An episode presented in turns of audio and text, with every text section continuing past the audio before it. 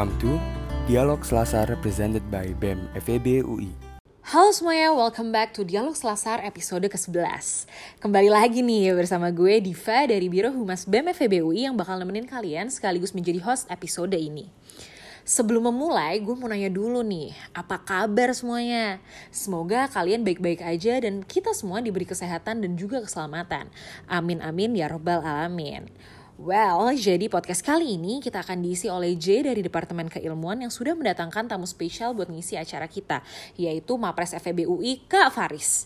Kak Faris bersama J akan berdiskusi mengenai perjalanan menjadi mahasiswa berprestasi dan juga beberapa tips nih untuk mengembangkan diri bukan hanya di bidang akademis saja, melainkan di bidang non-akademis juga.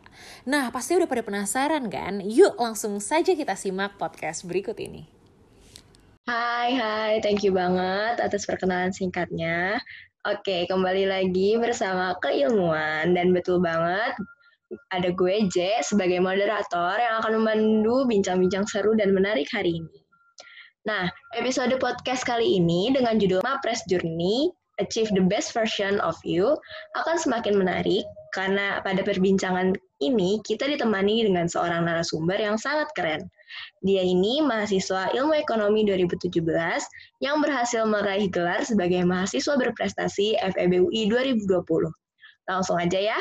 Halo Kak Faris, apa kabar? Halo, ya baik. Uh, terima kasih ya udah ngundang aku ke podcast ini. Ya, aku benar-benar terima kasih ke BEM, ke keilmuan khususnya yang selama ini udah ngebantu aku juga di proses permapresan dan ya sampai ke titik ini ya aku perkenalkan diri aku aja atau gimana ya, nih boleh kak uh, perkenalan diri dulu oh, okay. sama paling kasih tahu dikit-dikit lah kegiatan kakak akhir-akhir ini ngapain sih gitu oh oke okay, siap um, oke okay, uh, eh, Uh, jadi aku kenalin diri aku lagi. Aku nama aku Faris, Faris Abdurrahman.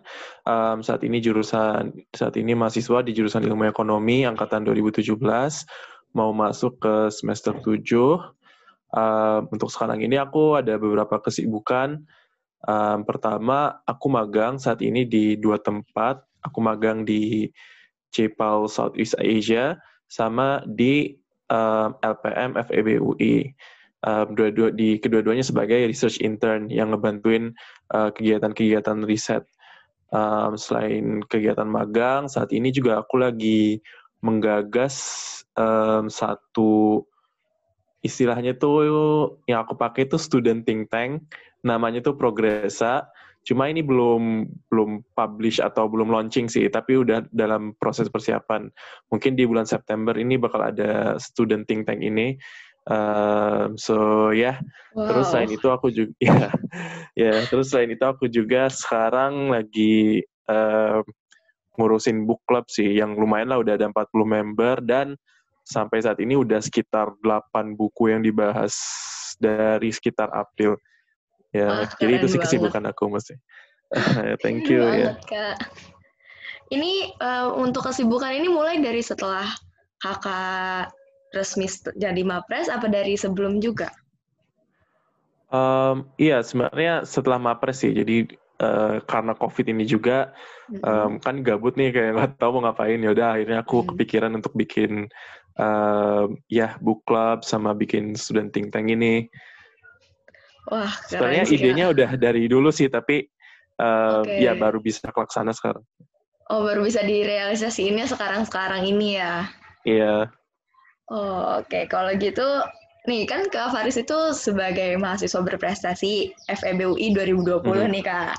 Nah, kalau yeah. menurut Kakak Mapres itu apa sih Kak? Hmm, oke. Okay. Menurut aku aku tuh selalu ngebayangin Mapres itu agak mirip sama beauty pageant atau kayak Miss Indonesia misalkan. Aku tuh selalu menganggap hmm. Mapres itu agak mirip dengan itu. Jadi uh, mungkin kalau Miss Indonesia yang dites itu adalah um, kecantikan dan sebagainya. Kalau di Mapres yang dites adalah um, kemampuan berpikir kritis, kemampuan untuk um, menyampaikan ide dan dan dan menggunakan bahasa dengan baik dan sebagainya. Banyak kriterianya bukan itu saja.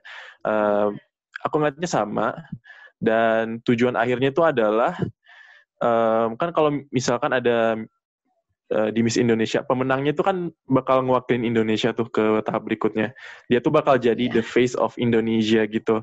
Aku ngelihatnya Mapres tuh sama sih kayak pemenang Mapres itu dan yang lanjut ke tahap berikutnya itu tuh sebenarnya oh. kita agak sedikit mewakilin atau merepresentasikan uh, mahasiswa, mahasiswa di fakultas gitu. itu. Iya. Uh, Oke, okay. ya mungkin kalau misalkan prosesi perwakilan gitu-gitunya mirip ya sama Miss Indonesia gitu-gitu ya. Jadinya yeah. paling yeah. ranahnya aja yang berbeda yeah, gitu. Iya, yeah, iya. Yeah. Yeah. Sebenarnya nggak 100% mirip sih, tapi aku ngeliatnya kayak kayak apa ya sebenarnya iya sih kayak istilahnya kita kayak orang yang jadi mapres itu um, aku nggak ngerasa aku gini tapi selalu ada ekspektasi kalau yang mapres itu tuh harus yang kayak um, orang yang bisa um, mewakilin dan menginfluence orang lain uh, kayak gimana? Kayak, ya ya sama kayak misalkan miss, orang yang kayak Miss Indonesia itu mereka harus kayak menggunakan posisi mereka untuk menginfluence orang lain supaya terinspirasi jadi kayak mereka aku sebenarnya nggak ngerasa kayak gitu aku ngerasa aku sebenarnya nggak terlalu inspiring atau gimana tapi aku ngelihatnya Mapres itu ada kewajiban untuk itu sih aku ngelihatnya dari contoh-contoh Mapres yang lalu yang uh, tahun lalu kan ada Janat yeah. dan dua tahun yang lalu ada Evita Marta mereka tuh individu-individu yang sangat inspiratif dan kayaknya anak FE juga bangga kalau kalau mereka tuh dianggap sebagai perwakilan uh, dari FE itu sendiri. Hmm.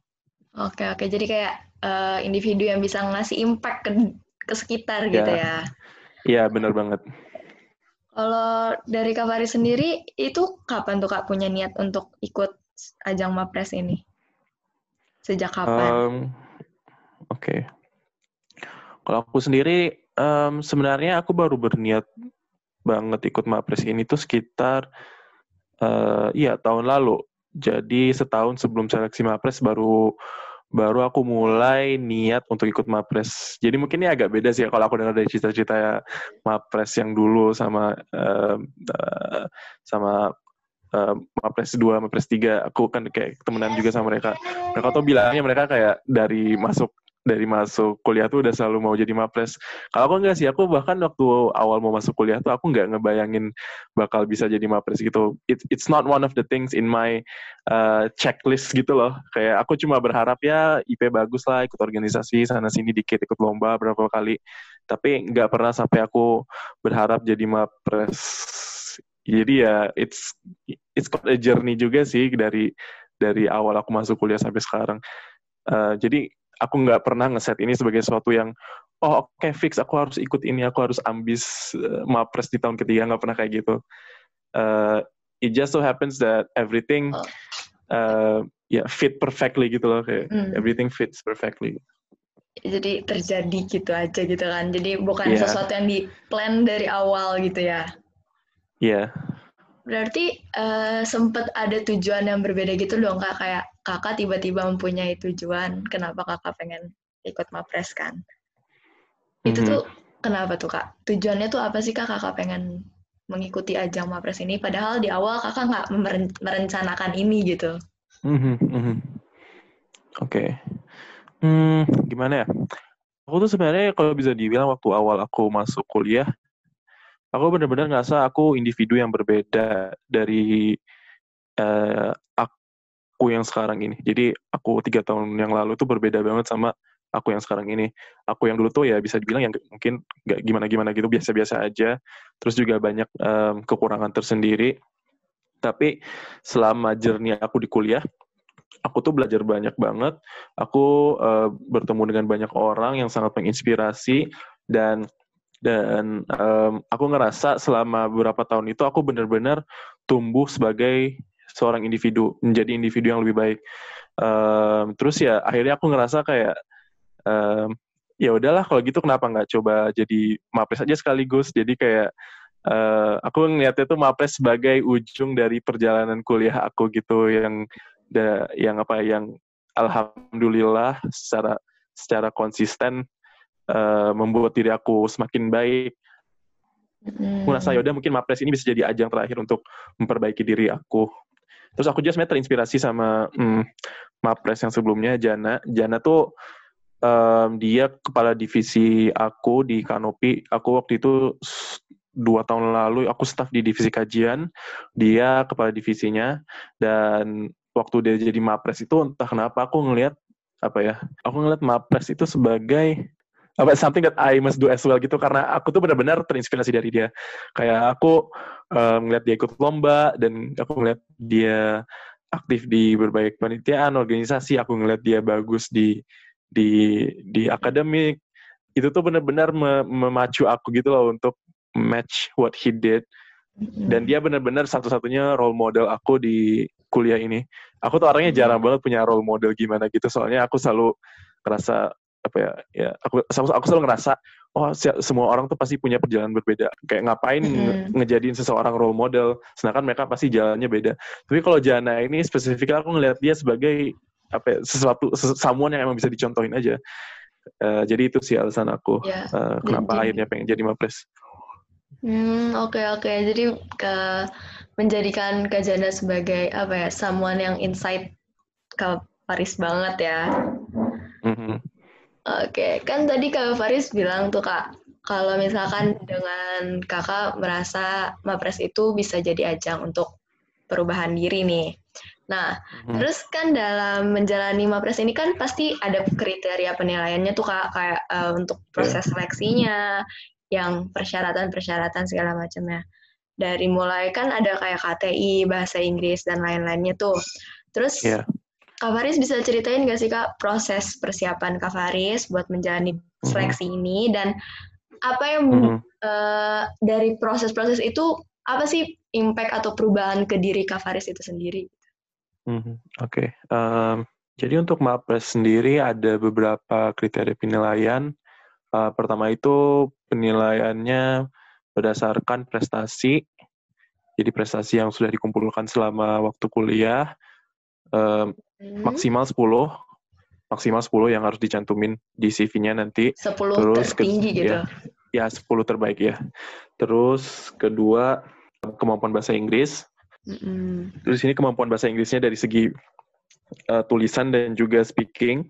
Okay. Dan ketiga itu adalah um, karya tulis ilmiah sebenarnya ada juga kayak kriteria penilaian lain kayak misalkan personality dan psikologi gitu diperhitungkan juga. Tapi bukan sebagai apa ya penentu oh ini bakal dapat juara berapa dapat juara berapa. Itu tuh cuma di, cuma dites sebagai untuk make sure ya at least minimal banget nih seorang mapres itu harus ya punya emosi yang stabil punya empati mm -hmm. dan sebagainya ya itu sih. Tapi untuk yang benar-benar banget menentukan apakah seseorang itu bakal jadi satu dua tiga itu tuh uh, tiga kriteria tadi. Prestasi, 10 prestasi tertinggi, mm-hmm. uh, terus kemampuan bahasa Inggris, tertulis dan juga secara verbal, dan ketiga karya tulis ilmiah, um, di mana uh, kita tuh diharapkan untuk menyampaikan topik atau gagasan yang berguna bagi masyarakat, yang nge-solve suatu masalah dalam masyarakat. Yang memberikan impact ya ke masyarakat yeah. berarti ya. Oke. Okay. Iya. Yeah. Terus dari proses yang kakak jalani ini kan pasti dipersiapkan tuh. Itu tuh kakak ngerasa perubahan apa aja sih kak ke diri kakak Aris ini sendiri? Mm -hmm. Oke. Okay. Um, Oke, okay, pertama untuk yang bahasa Inggris. Kalau bahasa Inggris tuh kalau bisa dibilang bahasa Inggris itu kan ya bahasa bahasa tuh saya menurut aku ini paling kalau bahasa tuh emang udah dari sananya sih kayak emang aku udah kebiasa juga lumayan uh, ngelatih diri bahasa Inggris dari dulu sejak SMA. Jadi mungkin kalau bahasa Inggris ini aku benar-benar ya nggak terlalu mikirin atau terlalu uh, siap persiapannya kayak gimana gitu. Aku benar-benar kayak ya udah uh, dites aja kemampuan Inggris 100% tanpa harus ada aku persiapin secara spesifik dulu. Tapi untuk yang lain yang KTI dan yang prestasi ya itu prosesnya lumayan panjang sih, terutama untuk yang prestasi nih. Karena bisa dibilang untuk yang prestasi ini, effortnya tuh bukan cuma um, 6 bulan atau tiga bulan sebelum apres. Untuk prestasi ini effortnya ya harus sudah dimulai sejak kuliah gitu. Dan kebetulan aja kayak uh, meskipun aku baru punya keinginan untuk jadi mapres setahun sebelum seleksinya, aku tuh udah ada eh, prestasi-prestasi dari sebelumnya yang bisa aku masukin ke CV Mapres dan dan untuk prestasi-prestasi ini apa ya benar-benar merubah aku sih. Jadi ada beberapa eh, prestasi yang aku dapatkan kayak aku pernah ikut MUN. Mm. Um, di MUN itu aku benar-benar uh, belajar untuk memaksa diri untuk bernegosiasi, um, berdebat dan sebagainya. Jadi kayak ini satu fact aja tentang gue. Gue tuh aku, aku tuh orangnya um, agak introvert. Jadi jujur aku bisa dibilang ya agak pasif juga sih sebenarnya. Tapi aku tahu itu tuh kayak apa ya?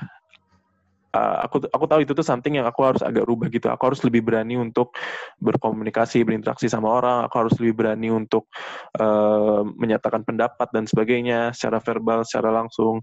Dan karena itu ya ya udah aku ikut MUN dan di MUN itu benar-benar aku ngelatih kemampuan negosiasi aku, kemampuan persuasi aku ke orang lain. Hmm. Terus aku juga ya, terus aku juga ikut kegiatan debat um, dan sebagainya. Dan itu tuh benar-benar apa ya? ngelatih aku dari banyak sisi sih uh, dan apa ya perubahannya itu bukan sesuatu yang langsung dirasain gitu perubahannya tuh sesuatu yang gradual sesuatu yang uh, incremental istilahnya jadi aku uh, ikut lomba terus terus terus mungkin di beberapa lomba awal itu tuh nggak kerasa dulu perubahannya tapi perubahannya itu baru kerasa setelah dijalanin seutuhnya sampai akhir uh, ya Terus selain itu aku juga ikut beberapa lomba, lomba bisnis case. Untuk yang lomba bisnis case ini lebih ke aku mencoba sesuatu yang baru sih. Untuk yang lomba bisnis case ini, ya aku kan anak IE nih. Sebenarnya aku nggak punya pengetahuan banyak tentang bisnis nah, iya, uh, yang segimana Ya. Tapi ya um, aku tetap ikut eh, lomba-lomba ini dan sebenarnya untuk lomba-lomba ini skill yang aku pelajarin di MUN sebelumnya tuh sangat berguna banget. Jadi oh. aku ya jadi kan kalau bisnis skill itu kan ya intinya ya presentasi inti dari semuanya tuh presentasi um, kasus yang kita uh, solusi kita untuk kasus yang diberikan. Dan untungnya untuk presentasi aku udah dilatih dari MUN, terus juga untuk kemampuan menulis ya dilatih juga dari debat MUN sama kegiatan organisasi aku. Jadi ini yang kayak aku bilang tadi sih everything just fits perfectly together gitu di tahun pertama aku aku MUN debat di tahun keduanya aku ikut business case dan ya udah skillnya tuh ya skill yang sama-sama aja jadi skill yang aku dapetin dari MUN dan debat itu dipakai lagi di business case dan akhirnya ya alhamdulillah itu um, yang membantu aku menang juga jadi ya benar-benar banyak membantu aku sih pengalaman prestasi aku selama ini. Uh, jadi menurut aku um, yang benar-benar sangat berkontribusi ke yeah. perkembangan diri aku itu yang prestasinya. Karena aku belajar banyak banget dan aku bersyukur um, aku ngikutin semua kegiatan lomba dan sebagainya itu karena apa ya? Ya, aku tuh ngerasa ya kuliah tuh nggak nggak harus nggak boleh cuma akademis aja gitu. Betul. Bahkan menurut aku nih secara pribadi aku jujur merasa aku jauh lebih berkembang di kegiatan-kegiatan ini jika dibandingkan dengan kegiatan akademis doang. Kalau di akademis doang ya oke okay, banyak manfaatnya buat aku, tapi aku nggak bakal se segimananya gitu kalau misalkan aku cuma fokus di akademis doang. Kegiatan-kegiatan ini benar-benar ngebantu gitu. Oh ya, sama oke okay, terakhir yang KTI. Nah untuk yang KTI hmm. ini persiapannya lumayan lumayan uh, ekstensif juga. Jadi jadi aku sekitar tiga minggu sebelum sebelum sub, submit KTI-nya itu aku baru kepikiran topik. Soalnya emang agak susah sih nyari topik yang pas dan relevan. Dan akhirnya topik yang aku bawa itu adalah topik tentang gimana caranya kita bisa mendigitalis, digi, mendigitalisasi warung. Um, jadi mungkin uh, mungkin kalau tahu sekarang tuh udah ada yang kayak warung pintar, um, yeah. grand kios, mitra bukalapak dan sebagainya. Dan mereka tuh ngebantu warung untuk uh, istilahnya bermigrasi ke ekosistem digital. Nah itu tuh sebenarnya sesuatu yang interesting sih buat aku karena aku tuh selalu apa ya ngelihat war ya warung itu ada di sekitar kita kan. Yeah, itu sesuatu yang sesuatu yang apa ya sesuatu yang kita sebagai masyarakat tuh take for granted aja gitu kita kayak oke okay, ada warung tapi jarang di jarang kita pikirin gimana nih warung ini bisa kita berdayakan supaya um, skalanya lebih besar supaya bisa meng-hire lebih banyak orang supaya bisa uh, menjual produk dengan lebih efisien dan murah. Padahal ya itu penting banget karena ternyata dari statistiknya sendiri kebanyakan perlu kebanyakan orang Indonesia tuh uh, ber, apa ya, kerjanya tuh di sektor retail dan perdagangan yang kayak gini. Mm-mm. Jadi ya dampaknya tuh bisa gede gitu loh dengan kita hanya membantu warung ini untuk digitalisasi. Eh, Iya. Ya udah jadi topik aku tentang itu. Terus Ini Oh, iya. berarti topik Kak Faris, ini kakak brainstorming sendiri gitu? Atau eh, berdiskusi sama siapa, minta saran seseorang? em, oh ya em, sebenarnya untuk ide awalnya sendiri itu em, emang aku yang kepikiran. Tapi un- eh, tapi untuk kayak eh, brainstorming atau minta Pemantapannya minta gitu? pendapat- pemantapannya gitu aku aku nanya ke teman-teman dekat aku terus aku juga nanya ke Mapres tahun lalu Jana kayak Mm-mm. Jana kan ya dia tuh saya benar-benar sangat membantu sih dalam persiapan eh, KTI-nya Oh, Eh, Berarti Iya, dengan itu. proses persiapan KTI ini eh, kayak kita jadi lebih apa ya menambah menambah awareness juga nggak sih dan melatih daya pikir Iya. kita kan Iya, gimana caranya biar KTI Iya. yang di yang disusun oleh seorang mapres itu bisa emang memberikan impact ke lingkungan sekitar gitu ya. Oh, ya, sa- sama sebenarnya aku sampai sempet kayak wawancara gitu sih kayak Wow. aku beneran ke lapangan gitu wawancara pemilik toko terus apa ya em, oke ini agak fun fact aja jadi di salah Iya. satu wawancara aku itu em, ada warung yang saling bersebelahan gitu Mm-mm. Eh, satunya tuh warungnya tuh sangat digital lah istilahnya. Dia dia nge-scanning minuman atau makanan gitu-gitu aja harus pakai barcode gitu. Jadi dia udah pakai barcode padahal dia warung biasa. Terus dia udah pakai juga em, OVO, GoPay dan sebagainya. Terus dia udah ada pelaporan keuangan yang baik.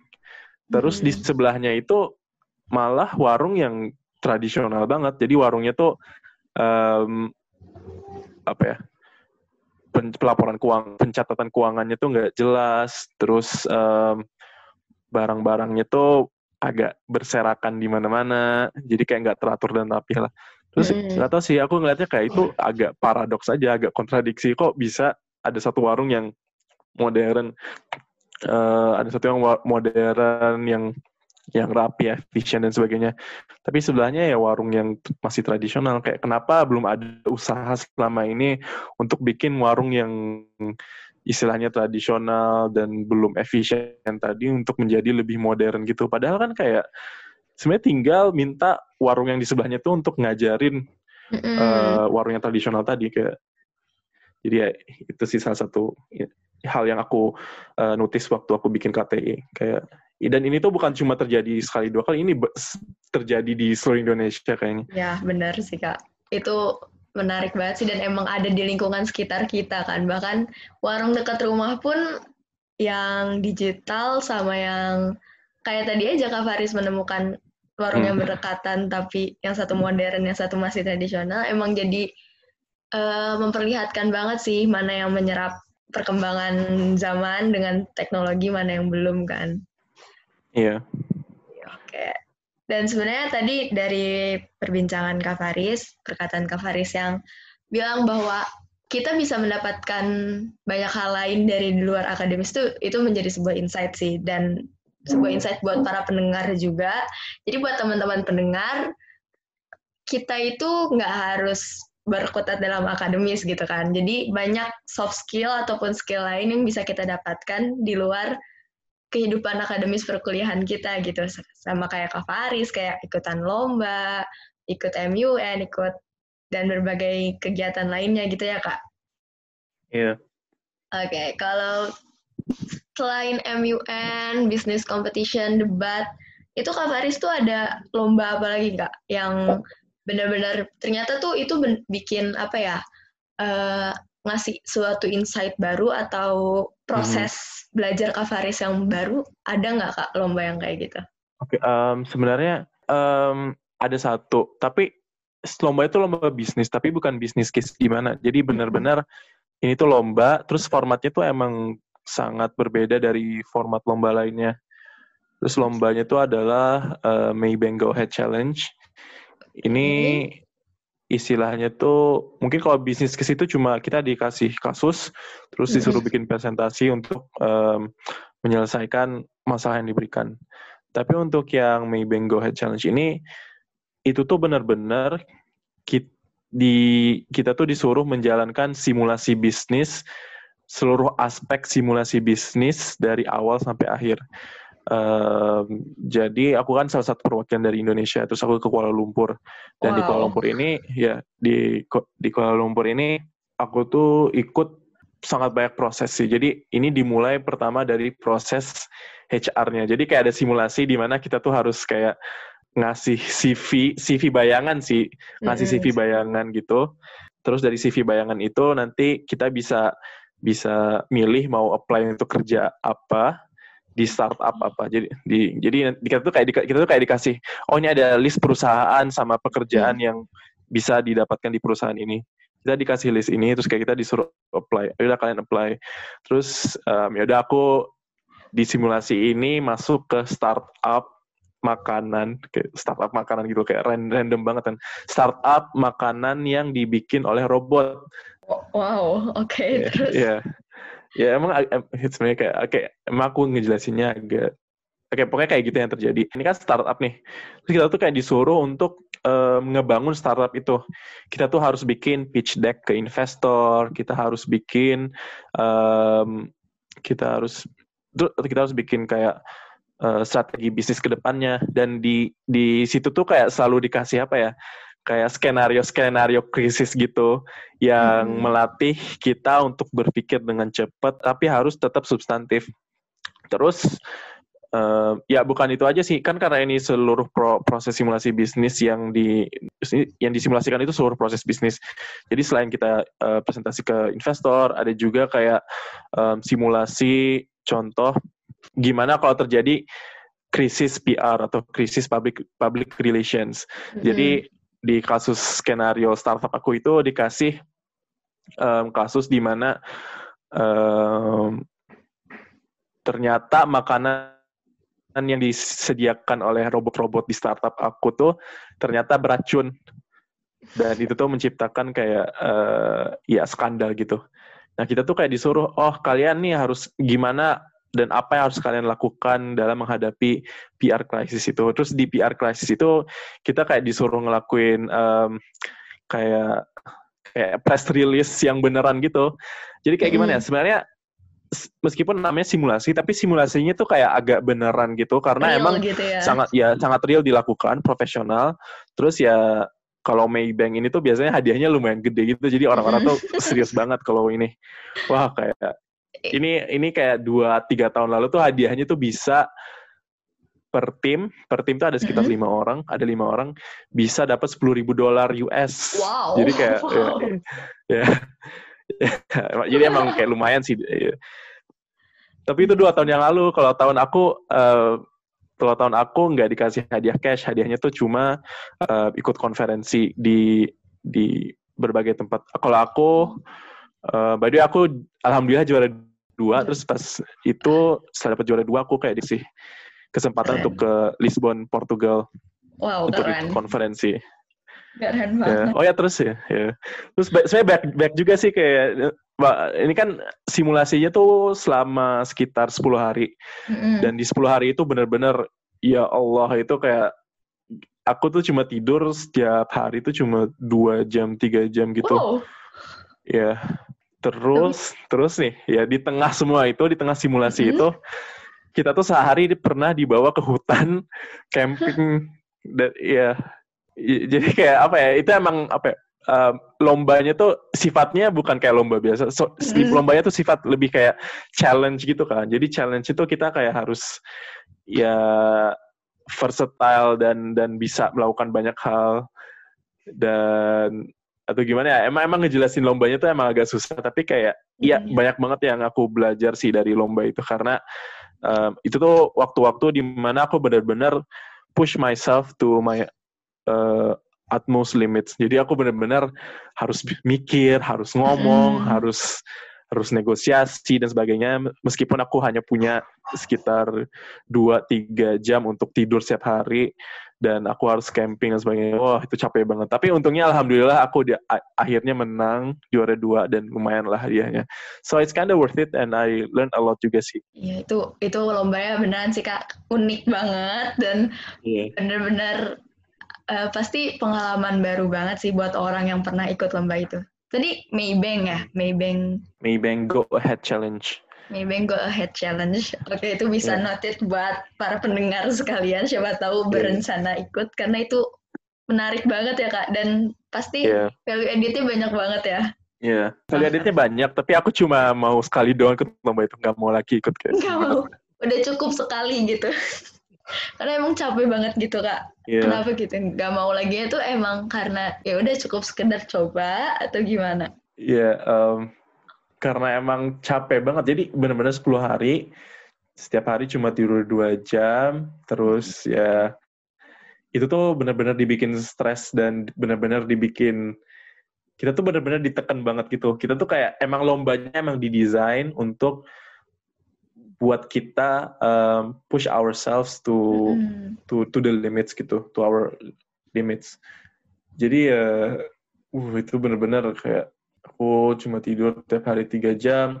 Terus pas kayak udah lombanya selesai, wah itu aku, aku kayak sekitar sehari, aku sampai tidur 24 jam gitu kayak sehari itu aku tidur dari dari pagi sampai pagi besoknya.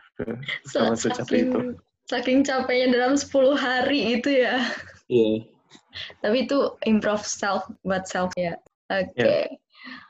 Oke, Mhm. kalau misalkan dari sisi Kak Faris ini saat kan ini eh, lomba ini kan jadi salah satu proses untuk meraih 10 prestasi dalam persyaratan menjadi seorang mapres itu kan. Iya.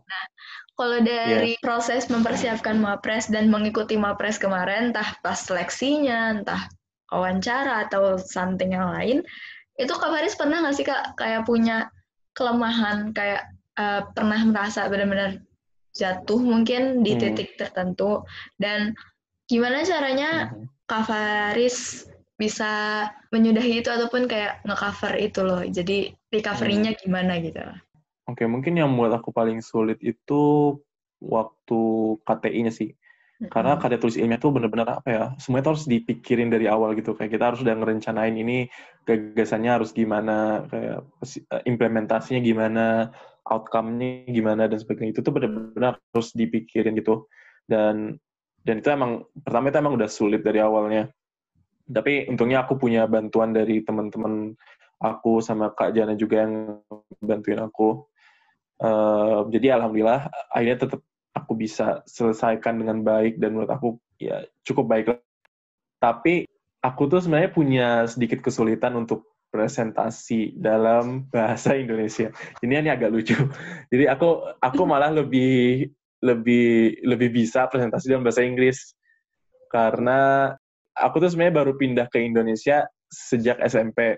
Jadi sebelumnya tuh aku tinggal di Malaysia. Jadi Oke. untuk kayak presentasi dan sebagainya itu tuh bahasa aku tuh aneh banget kayak bener-bener apa ya aku nggak fluent lah ngomongnya nggak nggak nggak lancar ngomongnya makanya ini kayak di di intro, di podcast ini aja aku banyak campur-campurkan kata-katanya karena Mm-mm. apa ya aku untuk bahasa Indonesia sendiri itu masih agak agak entah kenapa ya aku nggak tahu kenapa Eh, untuk presentasi yang formal gitu masih agak kesulitan Mm-mm. Um, dan dan aku tuh baru nyadar ternyata aku sejelek itu presentasinya sekitar sehari sebelum presentasi di presentasi di depan juri gitu. Kayak aku Wow. presentasi kan di depan teman.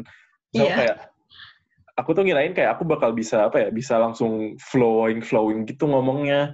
Soalnya ya ya aku yang bikin presentasinya kayak aku mulai tapi ternyata pas aku nyoba presentasi kok beda banget kayak aku bener-bener kesusahan gitu nyari-nyari nyari nyari-nyari kata yang pas, kesusahan untuk em, ngejawab pertanyaan dan sebagainya. Kayak aku mikir duh masa gini aja nggak bisa? Kayak gimana caranya jadi mapres kalau yang kayak presentasi simpel aja nggak bisa? Tapi ya em, itu sempet aku down banget sih kayak percuma gue bagus di prestasi atau bahasa Inggris tapi kalau presentasi kayak gini aja gue gue gak terlalu sebagus ya mau gimana? Hmm. terus um, ya udah akhirnya aku bener-bener itu aku di hari terakhir itu aku latih latihan um, terus menerus akhirnya aku um, bener-bener nyoba ngafalin dari skrip supaya make sure aku ngomongnya lancar. Terus itu tuh aku latihan sama ya pacar aku sampai jam berapa ya? Sampai jam jam satu malam kali ya? Sampai jam oh. satu malam aku latihan ter, jam satu oh. malam terus besok paginya bangun latihan lagi. Sampai jam sembilan itu baru uh, presentasi di depan juri. Dan ya alhamdulillah pas presentasi di depan jurinya sih aku lancar-lancar aja jadi itu sih salah satu kayak momen sebenarnya nggak sulit-sulit amat tapi aku bener-bener at that point ngerasa duh apa sih kayak apakah gue bisa jadi mapres sedangkan kayak presentasi gini aja masih sulit ya ya that's what happened for me gitu Oke, okay. mungkin emang bagi orang lain ngerasa presentasi apaan sih biasa aja gitu, tapi itu jadi titik yeah. terendah Kak Faris merasa down banget gitu ya Kak. Tapi bagus sih, yeah. keren banget bisa mena menangani itu semua. Oke okay, Kak, terus kalau setelah Kakak kan udah nih prosesnya udah dilewati, ups and downs-nya udah bener-bener terlewati, dan akhirnya bisa meraih titel mahasiswa berprestasi FEBUI 2020. Nah, mm-hmm. setelah kakak meraih titel itu, perasaan kakak gimana? Terus, rasa nggak sih sebuah perubahan dari diri kakak? Kalau iya, hmm. boleh diceritain nggak, Kak? Oh, Oke. Okay. Jadi kan uh, kalau Mapres itu presentasi KTI dan pengumumannya itu dilakukan di hari yang sama. Jadi setelah aku presentasi, itu tuh aku sempet agak gimana ya, agak agak nervous dan takut. Soalnya aku udah lumayan keluar effort yang gede gitu loh untuk untuk mapres ini. Terus aku hmm. kayak agak takut gitu. Kalau misalnya ternyata hasilnya nggak sesuai dengan yang aku harapkan. Tapi ya akhirnya aku mikir kayak ya ya udah nggak apa-apa meskipun aku nggak dapet kalau nggak dapet ya that's perfectly okay karena emang banyak faktor X lainnya yang bisa mempengaruhi hasil dan itu bisa aja di luar ya kontrol gue. Yang gue tahu, yang gue yakini adalah I know I did my best. So ya udah, I know I did my best. So and that's enough gitu loh kayak aku at least tahu I did my best. Dan aku selalu pegang ke kata-kata itu sih untuk apa pun. Um, karena aku tahu kan di, di dunia dan di hidup kehidupan ini ya pasti banyak banget faktor X kayak bisa aja um, ada hal yang nggak masuk akal atau make sense yang ngerubah sesuatu yang kita expect atau harapkan. Um, mungkin contohnya aja um, ini aku frank aja aku aku jujur aja. Ini aku dan aku agak sedikit vulnerable di sini. Mungkin waktu yang um, seleksi Mapres UI um, aku kalau bisa jujur aku ekspektasi lebih. Tapi mungkin ada faktor-faktor X lainnya yang ya membuat uh, membuat ya ekspektasi aku tidak bisa tercapaikan. Tapi aku aku apa yang anggapnya that's fine that's okay karena aku tahu I did my best gitu aku tahu beberapa hal yang mungkin aku bisa perbaikin iya tapi overall aku tahu gitu loh kayak given what I had, given what I started with, ya yeah, I know I did my best. Uh, Oke, okay, tapi untuk yang Mapres FA ya, alhamdulillah ternyata aku menang dapat juara satu. Dan perasaan aku setelahnya ya lega aja sih, lega kayak semua hasil usaha aku terbayarkan. Terus aku sejak Mapres tuh aku mulai ngerasa gimana? Aku ngerasa kayak ada sedikit tanggung jawab gitu dari titel aku sebagai Mapres. Jadi mungkin yang aku agak notice sedikit dari Mapres FE sebelum-sebelumnya, oke okay, Mapres FE keren, kayak mereka bisa jadi Mapres tuh ya karena pencapaian dan kemampuan individu yang ya sangat sangat sangat sangat baik dan berkualitas tapi yang aku agak sayangkan itu sering kali ke, aku nggak tahu sih kalau di fakultas saya gimana, tapi aku ngerasa kalau di FA itu agak nggak ada ekspektasi untuk Mapres ini ngelakuin sesuatu yang yang punya impact. Punya impact either ke anak FE atau ke masyarakat secara umumnya. Entah kenapa aku ngerasa kayak aku harus ngerubah gitu loh dengan titel Mapres ini, aku harus jadiin itu sebagai suatu um, batu loncatan atau atau atau motivasi agar aku lebih um, apa ya, lebih lebih lebih berani dan lebih bersedia untuk menghasilkan impact. Dan impact itu bisa dalam berbagai bentuk aja. Apa sih kayak bisa um, yang progresa ini yang student think tank yang aku rencana mau bikin ya itu salah satu kayak aku ngerasa it's one of the things that I must do karena aku sekarang mapres aku udah punya um, apa ya penghargaan ini. Harus aku gunakan dengan sebaiknya untuk kembali menciptakan impact. Dan aku pengen melalui student think tank ini aku menciptakan kayak uh, awareness terkait isu-isu penting dalam masyarakat yang sayangnya sampai saat ini belum terlalu uh, dipedulikan.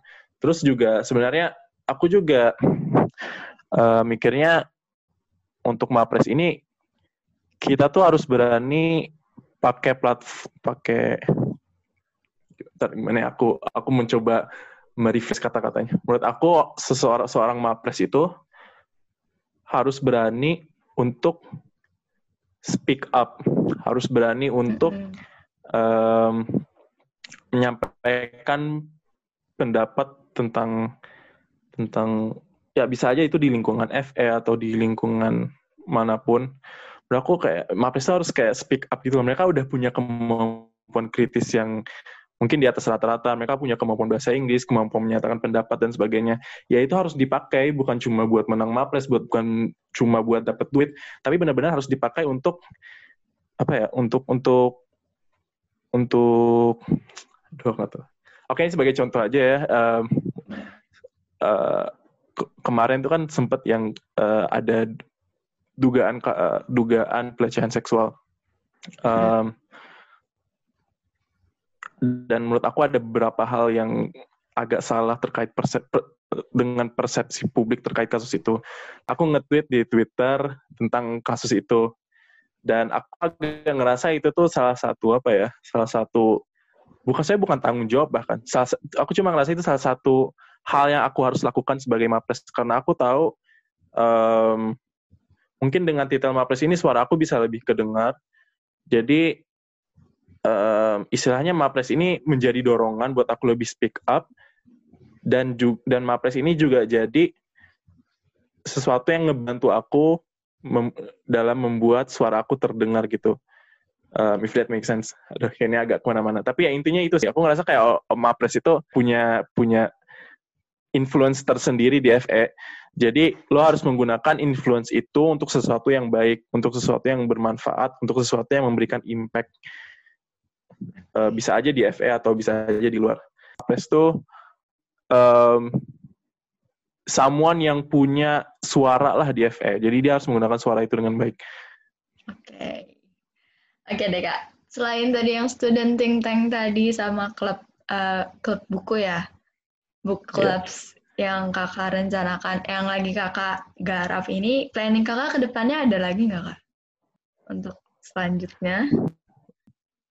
Ya sebenarnya itu dua dulu aja sih sebenarnya. Karena karena sebenarnya aku agak takut kayak bahkan dengan dua itu kalau misalnya ada lebih itu aku jadi nggak fokus gitu ke dua yang udah aku rencanain. Dan kayak ya sebenarnya aku kan di FE tinggal setahun lagi. Jadi aku kayak oke okay, let's just focus on those things first. Dan aku berharap sih kayak meskipun itu sesuatu yang aku bikin sekarang aku sangat berharap itu tuh sesuatu yang bisa last until ya angkatan-angkatan bawah mana gitu kayak bisa ada student think tank progresnya yang aku bikin ini bisa bisa tetap ada membernya, bisa tetap ada kegiatannya bahkan sampai tahun 2040 dan sebagainya. Itu sih yang salah satu hal yang aku harapkan dari uh, kegiatan-kegiatan yang aku bikin. Oke deh. Terus dari Kak Faris sendiri, ada nggak Kak tips untuk para pendengar podcast atau sepatah dua patah kata? Karena kita udah uh, sudah di sesi terakhir dari podcast ini. Oke, ada beberapa. Uh, pertama, aku ngerasa untuk FR khususnya um, kita harus lebih berani untuk berpendapat gitu harus lebih berani untuk tidak apatis um, terutama untuk beberapa untuk beberapa hmm, untuk beberapa hal sih itu apa ya Nah, aku untuk aku kepikirannya yang untuk kasus pelecehan seksual kemarin, sebenarnya tuh banyak, banyak banget anak FA yang udah ngomongin tentang kasus itu. Aku ngerasa kalau misalnya ada kasus-kasus serupa ke depannya, anak FA itu harus lebih berani untuk ngomong tentang hal itu. Kayak tanggung jawab kita, kita itu tuh bukan cuma sebagai mahasiswa yang belajar doang di kelas. Menurut aku ya sebagai mahasiswa kita harus aware dan concern juga terkait isu-isu seperti itu tips aku yang kedua adalah benar-benar lihat masa-masa di FA ini sebagai masa yang harus dipakai untuk pengembangan diri. Jadi empat tahun kuliah ini adalah empat tahun terakhir dalam hidup di mana kita punya kebebasan dan keleluasaan untuk mencoba banyak hal, untuk mencoba lomba, untuk mencoba ke, untuk mencoba um, Eh, kepanitiaan dan sebagainya, mencoba hal-hal yang bisa show us where our passion lies gitu. Jadi benar-benar gunakan empat tahun ini dengan dengan dengan baik gitu, kayak find where your passion lies. Karena uh, kalau misalkan ada skill-skill yang mau dipelajari, kalau misalkan ada interest-interest atau hobi baru yang mau di, di, dipelajarin atau masih mencoba mencari passion misalkan do it now karena setelah empat tahun ini gak bakal ada lagi tuh waktu yang sama. Kayak kayak abis empat tahun lulus ya langsung kerja. Dan kalau kerja tuh udah bener-bener nggak punya banyak waktu untuk eksplorasi diri terkait passion dan identitas diri. Dan ini yang sebenarnya sebenarnya udah agak aku rasakan sih. Jadi aku kan udah mulai magang tuh dan apa ya ya benar-benar gimana benar-benar beda gitu loh mindsetnya kalau masih mahasiswa dan kalau udah mulai kerja. Kayak kalau udah mulai kerja tuh pikirannya kayak kerjaan terus kayak ini kerjaan harus kelar kerjaan harus kelar. Kalau mahasiswa tuh masih punya banyak ruang untuk berekspresi untuk eksplorasi diri dan sebagainya. Jadi benar-benar pakai empat tahun ini untuk find whatever it is that that ignites your passion and makes you really happy and makes you makes you very passionate about itu sih uh, saran aku untuk yang ngedengerin podcast ini. Oke deh, makasih banyak Kak Faris dan nggak kerasa kita udah berbincang-bincang seru bareng Kak Faris ini dan ini tuh sebuah insightful talks banget sih buat apalagi buat orang-orang yang uh, berproyeksi pengen menjadi mapres dan mm -hmm. Sebelum mengakhiri podcast mungkin aku kayak ngasih beberapa highlight, do our best, dan selalu percaya bahwa ada hal lain yang di luar kuasa kita. Selagi kita masih bisa berusaha dan berproses, selalu explore itu. Oke. Okay. Oke, okay, makasih banyak Kak Faris. Sukses terus buat Kak Faris dan semoga tetap bisa memberikan impact untuk lingkungan sekitar. Dan, Thank you. Ya Kak, makasih banyak dan Gue aja undur diri. Sampai jumpa di podcast selanjutnya. Wah, thank you banget nih buat J dan tentunya Kak Faris atas sharing session mengenai cara mengembangkan diri dan bagaimana bisa menjadi mapres yang memberikan influence kepada orang lain. Keren banget asli. Semoga diskusi tadi bisa bermanfaat ya buat kalian yang udah dengerin. Dan oke okay nih teman-teman, gak kerasa kita udah sampai di penghujung podcast kita kali ini. Nah, buat kalian yang pengen tahu lebih lanjut mengenai BEM FEB UI, bisa banget langsung cek di sosial media kami. Ada Instagram at BEM FEB UI, atau chat kita langsung melalui OA line at BEM FEB UI. Selain itu bisa banget nih kunjungin website kami di bemfebui.com. Dan gue juga mau ngingetin nih untuk teman-teman yang pengen banget ngajak kolaborasi atau bikin project bareng, studi banding, atau bahkan cuma mau ngasih kritik dan saran, bisa bisa banget langsung hubungi di sosial media yang tadi udah disebutin. Oke deh teman-teman, jangan lupa untuk stay tune terus di podcast kita karena bakal banyak banget bahasan yang menarik yang akan kita post nih di episode-episode selanjutnya gitu. Oke deh, oke terus nih kalau gitu gue Diva pamit undur diri ya guys. See you at our next episode. Stay safe and healthy.